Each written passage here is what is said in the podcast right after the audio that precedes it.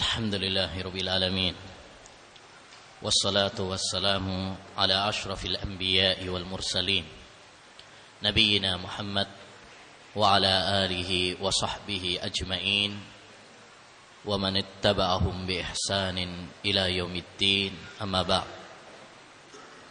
أيها الأخوة وأيتها الأخوات muslimin wal muslimat rahimani wa rahimakumullah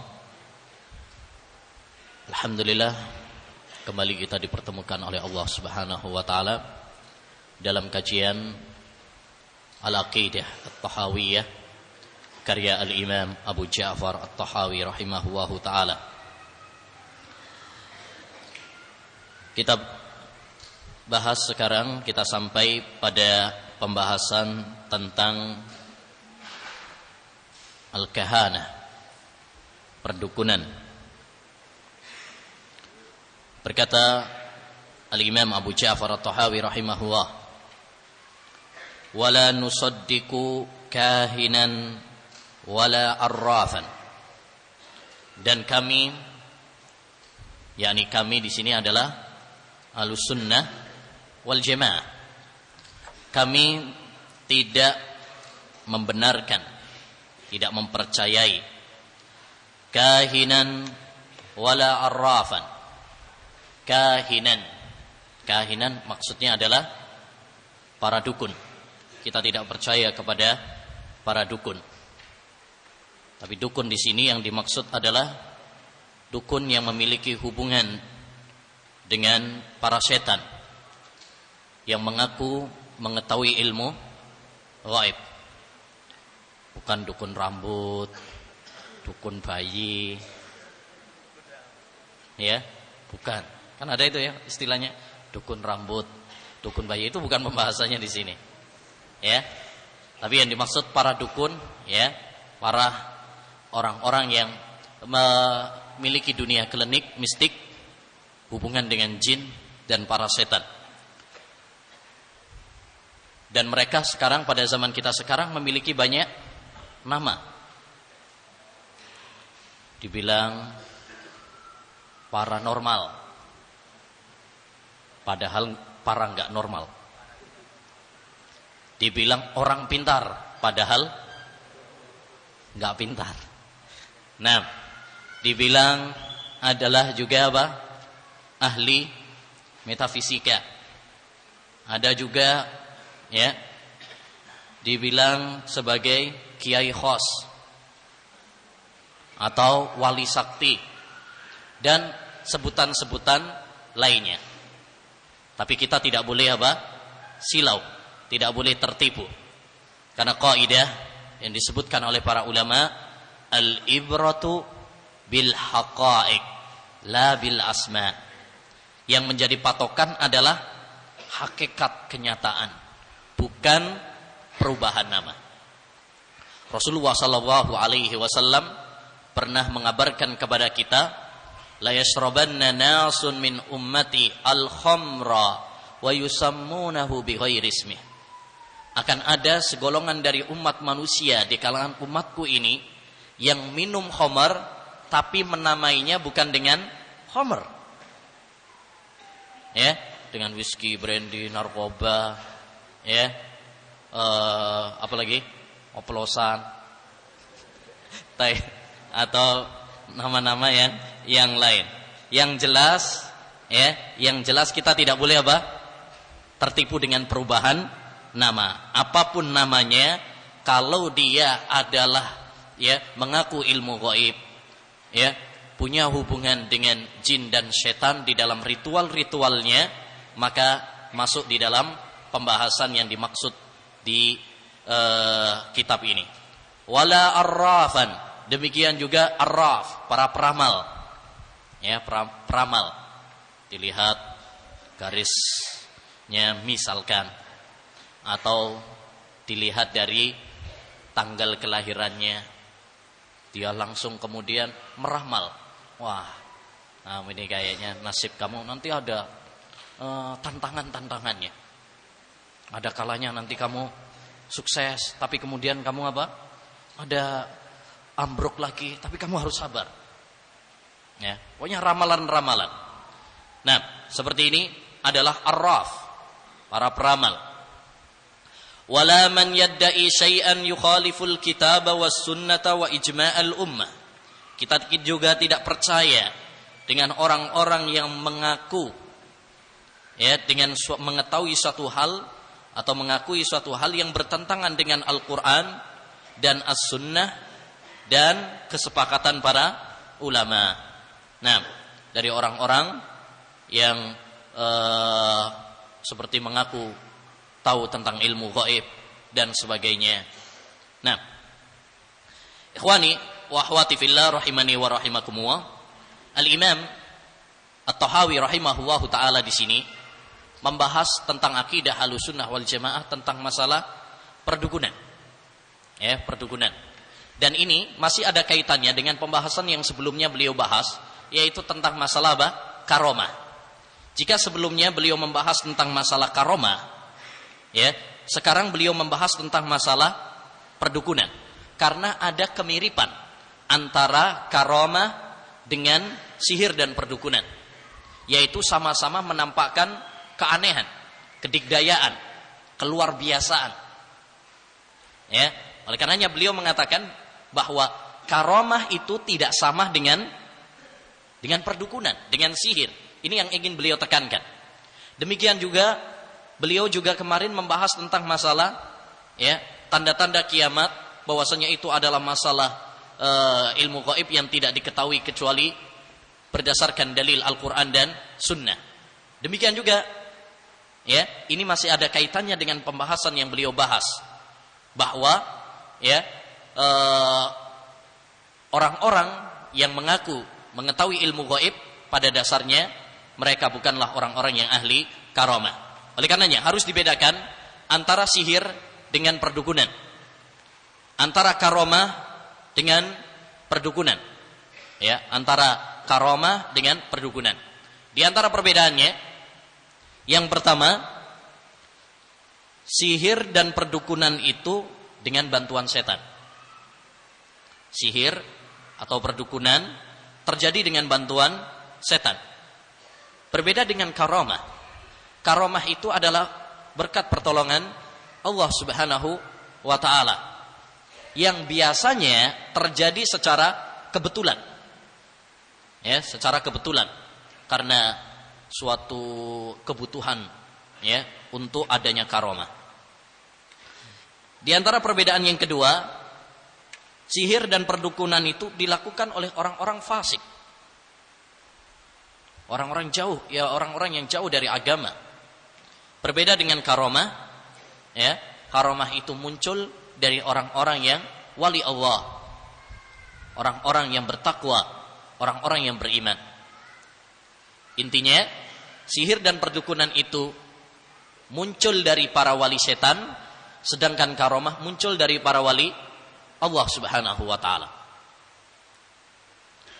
Taib, yang ketiga, di antara perbedaannya juga sihir dan perdukunan itu melakukan pelanggaran-pelanggaran syariat. Sebagaimana nanti akan kita bahas.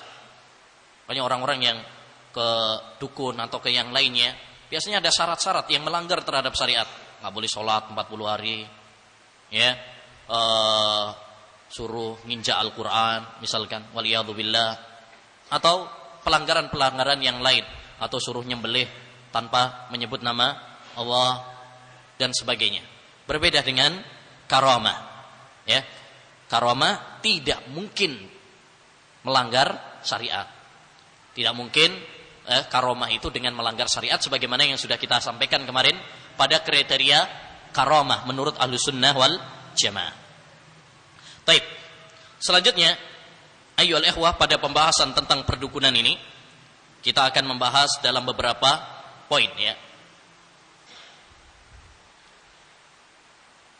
Pembahasan yang pertama ya atau poin pertama pentingnya pembahasan ini. Ini kenapa para ulama membahas tentang masalah perdukunan. Tentang masalah sihir. Ini penting. Ya, Masalah ini adalah penting terutama di negeri kita Indonesia yang terkenal dengan negeri mistik klinik. Ya, dunia klinik dan mistik ini masyhur di Indonesia. Bahkan di sebagian tempat ya dukun sihir itu didaurahkan. Ada daurahnya. Ya, jadi kalau kita daurah syariah mempelajari kitab-kitab para ulama ada daurah itu apa? Daurah belajar sihir dan perdukunan. Nah, makanya dulu ketika saya di Saudi, orang Arab itu paling takut sama Indonesia juga. Takutnya apa? Takutnya bawa jimat, bawa pelet, bawa eh, sihir. Makanya biasanya kalau para pekerja yang pertama kali datang, biasanya digeledah dulu. Khawatir membawa apa?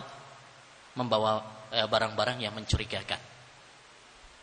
Saya pernah ingat ada orang Arab Saudi minta kepada saya, ada yang mencurigakan ini baru datang dia punya uh, pembantu. Ya udah kita janjian. Ya. Ini mencurigakan sekali ini. Udah saya juga datang. Enggak taunya ternyata bukan jimat. Buah salak bosok. Disangkanya apa? Jimat. Karena di sana nggak ada buah salak, jadi nggak ngerti. Nah, ini mencurigakan ini. Disangkanya apa? Disangkanya uh, sihir. Nah, e, intinya ya fenomena perdukunan ini sangat marak sekali di e, negeri kita, ya. Banyak para pejabat, para ahli politik, tokoh politik pingin supaya menang dalam pemilihan datangnya ke Mbah Dukun. Ya. Para pedagang supaya laris dagangannya datangnya ke Mbah Dukun. Makanya ada bisnis ya, ada istilah bisnis buntut tikus. Itu bukan jualan buntut tikus enggak. Ya, tapi ada jimat ya, itu salah satu syaratnya yaitu pakai ekor tikus dicelupin di mungkin di bakso atau yang lain untuk pelarisan. Uh, merinding ya. Baik. Ada lagi ya para remaja ya untuk mengintip masa depannya ya berjuang merebut cintanya datangnya ke Mbah Dukun. Makanya ada orang bilang bila cinta tertolak Mbah Dukun bertindak. Nah, ngapain? Nah, kan gitu. Nah, ada lagi ya para istri takut suaminya ngelirik rumput tetangga karena rumput tetangga lebih hijau ya. Dia datang ke Mbah Dukun juga. Gimana biar dikasih apalah gitu biar suami saya enggak ngelirik ya sama tetangga dan sebagainya. Ada lagi siswa pelajar kalau sudah mau ujian nasional ya biasanya juga datang ke para Mbah Dukun supaya lulus ujian bahkan wal billah para pelacur ada juga yang datang ke para dukun supaya laris. Ikhwan, ini fenomena ya, bukan bualan semata. Ini fakta di Indonesia.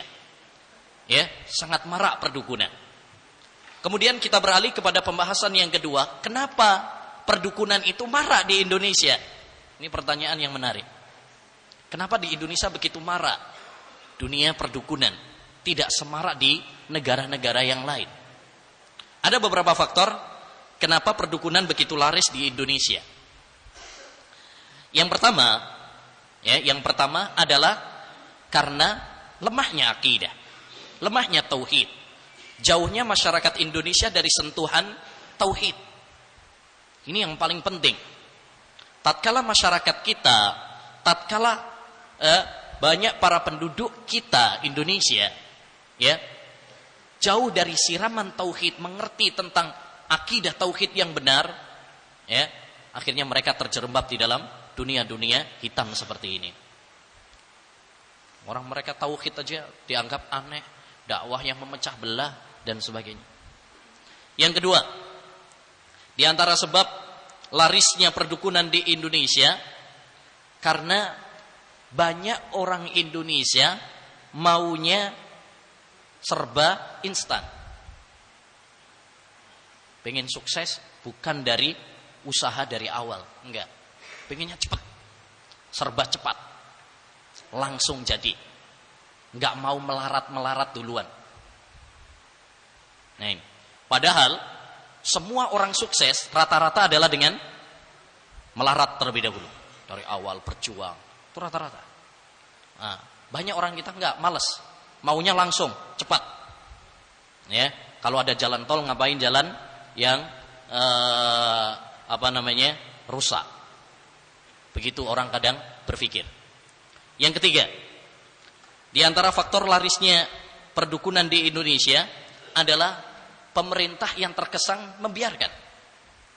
Tidak ada undang-undang yang jelas, hukuman yang jelas tentang masalah perdukunan. Merajalelanya para dukun, para tukang sihir, gak ada hukuman yang tegas untuk mereka yang menjajakan dan me mempraktekkan perdukunan. Padahal di dalam agama Islam, oh tegas. Para dukun itu diapakan? Dibunuh. Haddus sahiri dzurbatun bisaif. Ya, kata para sahabat. Hukuman para tukang sihir itu adalah dipenggal dengan pedang. Nah, ini kalau diterapkan nggak tahu berapa bilangannya. Ya, di Indonesia yang harus dipenggal karena banyak. Nah, jadi ini tidak ada hukuman yang tegas dari pemerintah ya kurang tegas tentang masalah perdukunan tentang masalah tukang sihir sekarang banyak para pemerintah elit politik DPR dan sebagainya ribut masalah misalkan pilkada langsung atau enggak langsung. Tapi enggak ada yang ribut tentang masalah ya dunia perdukunan ini dikasih hukuman apa? Enggak ada. Nah ini. Yang keempat di antara alasan faktor lalisnya perdukunan di Indonesia adalah banyaknya orang-orang yang dianggap tokoh agama malah melariskan perdukunan. Bahkan sekarang ini sulit dibedakan mana dukun, mana kiai. Mana dukun, mana ustadz. Karena banyak orang-orang yang berlagak ustadz, berlagak kiai, tapi justru malah mempraktekkan perdukunan dan sihir. Makanya ada istilah dukun hitam, dukun putih. Dukun hitam yang biasa pakai belangkon, pakai kemenyan, serba hitam, bajunya juga hitam. Gitu ya. Dukun putih, pecinya peci putih, sorbannya ya, kemudian jubahnya jubah putih. Ya. Kemudian juga Biasanya pakai tasbih, tasbihnya putih juga. Tasbihnya putih. Nah, HP-nya juga mungkin HP-nya putih, modern. Nah, sekarang banyak dukunnya kemudian apa? Dukunnya aja punya Facebook loh. Punya BBM. Keren sekarang. Nah, dukun modern. Nah, Baik. Kemudian masalah yang ketiga. Tanda-tanda dukun. Sekali lagi, dukun yang di sini bukan dukun rambut, bukan dukun bayi ya. Tapi dukun yang e, punya hubungan dengan setan, yang punya hubungan dengan jin. Taib. Tanda-tanda dukun. Di antara tandanya terkadang meminta binatang dengan sifat-sifat tertentu untuk disembelih. Ya, ya, Sini nanti bawah apa? Ayam. Ayamnya warnanya putih. Nah. Nah, jadi kadang carinya aneh-aneh, susah lagi kadang. Tape, di antara tandanya juga suka nulis raja-raja dan memberikan jimat-jimat. Nah, nah kadang ditulisi-tulisi, kadang nggak bisa dibaca. Kayaknya saja ini, wah ini Arab ini tulisannya. Dan nggak bisa baca. Atau tulisan Arab kadang kebalik. Ya, dibalik-balik. Nah, kemudian di antara tandanya juga ya eh, nyuruh pasien untuk menjauhi manusia beberapa waktu, nyepi dulu. Udah. Ya, untuk sementara ya selama satu minggu misalkan uh, di kamar aja ya cari kamar yang gelap ya untuk semedi atau bertapa. Baik. Di antara tanda juga ayo lehwa ya. Kadang-kadang komat kamit.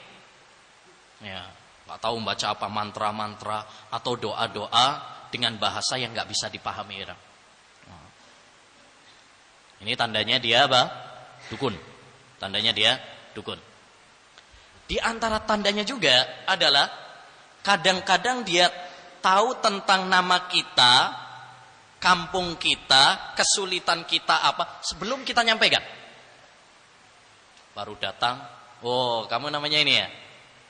Oh, yang dari Surabaya itu. Oh ada masalah ini kan? Hmm. Loh. Hebat Mbak Dukun ini ya. Udah tahu duluan belum saya kasih kabar. Siapa dulu dong? Mbak Dukun. Nah, kalau nggak gini nggak Mbah Dukun namanya. Nah, jadi dia udah tahu duluan. Sehingga apa? Menarik orang. Wah iya, belum apa-apa sudah. Oh hebat ini. Udah tahu dulu. Udah uh, belum saya sampaikan, dia sudah tahu suara hati saya. Masya Allah. Baik. Jadi, ikhwan rahimani wa rahimakumullah, ini beberapa tanda apa? Dukun. Baik dukun hitam ataupun dukun putih tadi. Kalau dukun putih biasanya ada yang tanda-tandanya lebih lebih spesifik lagi, lebih khusus lagi. Ada beberapa tanda, misalkan eh, terapi dengan menjalani ritual puasa. Kadang biasanya istilahnya puasa mutih, puasa 40 hari atau puasa 100 hari. Ya, di antara tanda Dukun putih juga adalah biasanya ritual memindahkan penyakit. Ya, ini banyak. Kalau di uh, televisi televisi atau yang lain, jadi penyakit itu dipindah. Ya, misalkan pasiennya sakit, dipindah ke ayam misalkan atau ke kambing. Nah, nanti penyakitnya dipindah ke sana. Tep, atau telur ayam ya dipindah ke sana. Di antara uh, tanda dukun putih juga adalah ngasih minuman air putih yang sudah dikasih raja-raja. Ya, ini nanti dibawa pulang ya. Ini nanti diminumkan. Itu sudah dikasih apa? Raja-raja. Sudah dibacain mantra-mantra. Ya, ini sudah dikasih doa istilahnya, padahal mantra. Nah, di antara e, tanda juga adalah ngasih jimat. Ya, ya ini e, mbak kasih pegangan, misalkan kasih pegangan, ya nanti dikalungkan. Misalkan makanya biasanya kadang-kadang ada anak, anak-anak biasanya ada kalung, ya, kemudian isinya kain, itu biasanya adalah jimat. Ya, penangkal sakit misalkan ini dibawa ke sana karena sering sakit, nah, dibuatin. Ya. Bahkan kadang-kadang eh, ikhwan di sebagian tempat itu dibuat bisnis. Jimat itu ada bermacam-macam biayanya. Mau yang ekonomi, mau yang bisnis. Jadi ada yang mahal. Ini semakin mujarab. Ada yang murah. Ya, bahkan saya pernah dengar ada sebagian eh, jimat itu ada yang sampai di atas 5 juta, 10 juta ada. Tergantung nanti kegunaannya apa. Dan banyak juga bukan hanya orang Indonesia yang datang. Kadang-kadang dari luar negeri loh sampai datang. Subhanallah. Ya, ada yang sampai dari luar negeri datang ke Indonesia untuk cari jimat. Ada juga untuk cari tuyul, tahu ya? Nah, ada. Itu untuk cari pesugihan, untuk biar kaya. Kadang-kadang dengan tuyul, melihara tuyul. Itu beneran ada. Eh, ini bukan hanya di dunia film, enggak. Ya, enggak, ini nyata. Ada beberapa orang yang pingin cepat kaya dengan cara-cara yang ya, seperti itu. Nah, toyol, pesugihan, bahkan ada yang ritual-ritual yang jauh dengan syariat. Ya, bahkan ada waliyadzubillah, ada yang ya apa namanya ya untuk mendapatkan kekayaan dan sebagainya salah satu syaratnya adalah apa ya salah satu syaratnya itu waliyadzubillah uh, apa suaminya dalam waktu-waktu tertentu, dalam hari-hari tertentu dia harus meninggalkan istrinya dari rumah. Karena nanti ya uh, jinnya akan datang untuk berhubungan dengan istrinya. Jadi apa namanya ada uh, pengorbanan, ada pengorbanan. Waliyadzubillah. Ya, tentu semua ini ayo ikhwah cara-cara apa? Syaitan. Cara-cara syaitan. Taib. Selanjutnya bahaya dukun dan perdukunan. Ini penting. Perdukunan diharamkan di dalam syariat Islam. Karena kita harus yakin bahwa syariat Islam ini tidak mungkin melarang kecuali membawa kerusakan. Demikian juga perdukunan ini banyak kerusakan-kerusakannya. Di antara kerusakannya, yang pertama, ya, demi menjalankan aktivitas perdukunan, para dukun melakukan ritual kesyirikan. Ya. Bahkan praktek kekufuran. Nah, ini bukan omong kosong, bahkan ini disampaikan oleh orang-orang yang dulu pernah terjun di dalam dunia perdukunan. Ya, kan banyak tuh orang-orang yang dulunya dukun kemudian apa? bertobat. Kalian pernah dengar Ki Joko Butut? Ya, Baik. Diberitakan terakhir dia apa? Sudah bertobat. Ya, sudah bertobat. Semoga uh, para dukun yang lainnya pun cepat apa? Bertobat. Nah, orang-orang yang bertobat mereka mengabarkan bahwa dalam praktek perdukunan mereka ya karena ini adalah syarat dari uh, apa namanya iblis ya ada yang mengatakan mereka dulu mohon bantuan kepada iblis ada yang dengan gak sholat lima waktu. Ada yang dengan cara tidak puasa Ramadan. Ada yang suruh nginjak-nginjak Al-Quran. Atau e, disuruh e, naruh Al-Quran di WC. Nah, ada yang suruh Al-Quran itu dikasih darah haid. Ya. Nah, bahkan dulu pernah terbongkar di Saudi Arabia. Ada sebuah tempat di suatu perumahan itu tempat WC-nya itu wal billah tempat WC-nya ya itu ada WC angker. Itu hanya orang-orangnya saja. Setelah dijebol ternyata apa?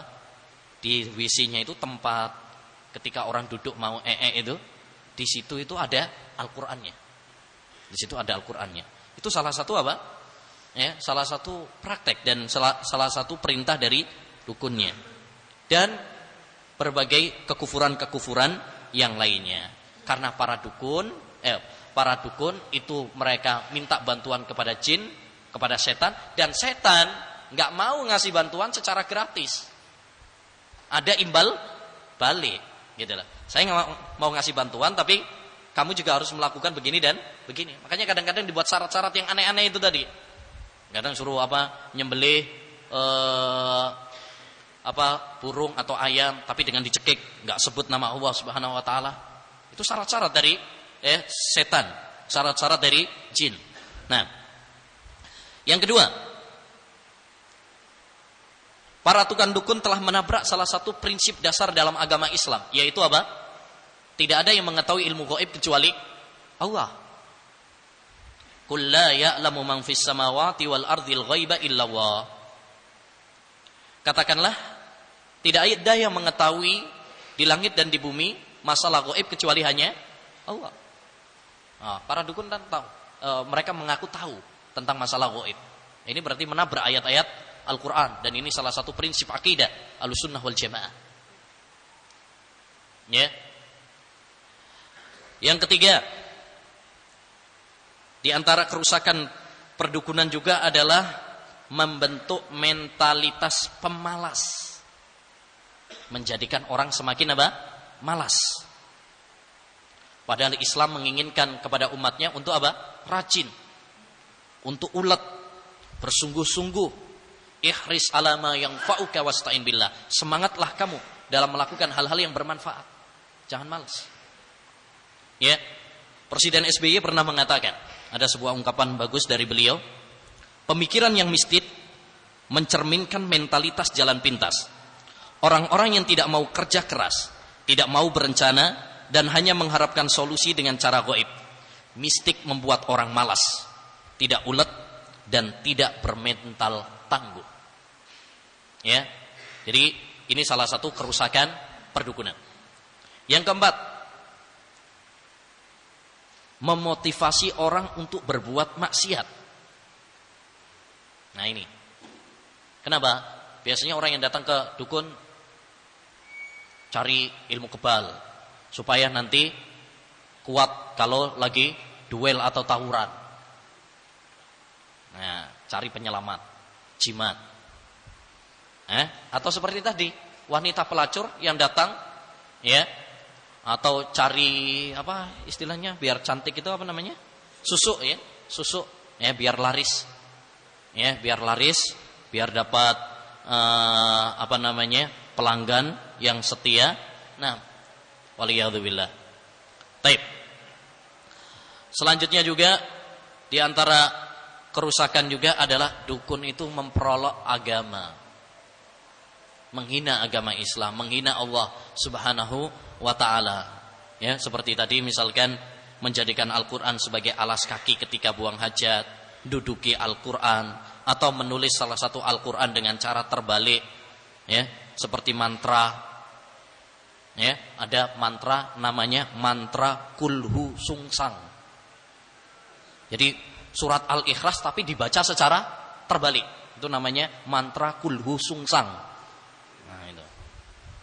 Tahu ya, sungsang itu bahasa Jawa, artinya terbalik. Jadi membaca kulhu tapi apa? Kul ahad tapi dibacanya terbalik. Bacanya dari dari terakhir, dari dari belakang. Nah, selanjutnya ayo ikhwah uh, hukum mendatangi dukun. Hukum mendatangi dukun jelas, hukumnya adalah haram, bahkan ancamannya sangat tegas dari Nabi Shallallahu alaihi wasallam man ata arrafan fasa'alahu an syai'in lam tuqbal salatun arba'ina laila. Barang siapa yang mendatangi peramal lalu dia bertanya tentang sesuatu kepadanya, maka solatnya tidak diterima selama 40 malam. Ini walaupun nggak percaya, cuma datang saja. Kalau dia percaya, Rasulullah SAW mengatakan man ataka hinan au arrafan fasaddaqahu bima yaqul faqad kafara bima unzila ala Muhammadin sallallahu alaihi wasallam. Barang siapa yang mendatangi para dukun, para tukang sihir dan membenarkan. Kalau tadi nggak membenarkan ya. Dan dia membenarkan apa yang dia ucapkan para dukun tersebut, maka sungguh dia telah kufur terhadap apa yang diturunkan kepada Nabi Muhammad sallallahu alaihi wasallam. Hadis-hadis ini sangat tegas melarang, mengharamkan perdukunan. Kalau orang datang kepada dukun aja nggak boleh, apalagi praktek dukunnya. Oleh karenanya para ulama sepakat bahwa mempelajari perdukunan, mengajarkan perdukunan, hukumnya adalah haram. Eh, hukumnya adalah haram dengan kesepakatan para ulama. Wa yata'allamuna ma yadurruhum wala yang mereka belajar ilmu-ilmu yang justru membahayakan mereka, tidak bermanfaat sedikit pun bagi mereka.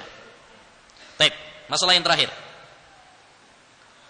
Jihad melawat perdukunan, yakni apa yang mesti kita perbuat untuk melawan dan berjuang membasmi perdukunan terutama di negeri kita.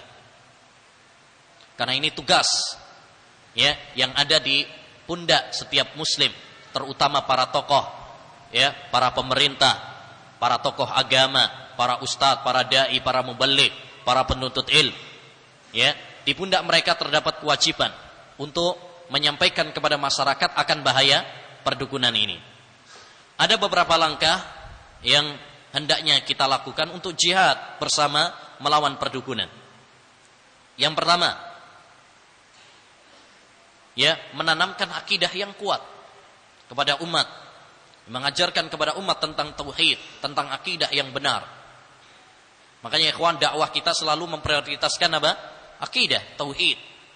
Ya, ini harus menjadi prioritas daripada eh, materi-materi uh, yang yang lainnya. Yang kedua, di antara kiat juga adalah dengan membongkar kedok para tukang sihir. Ya.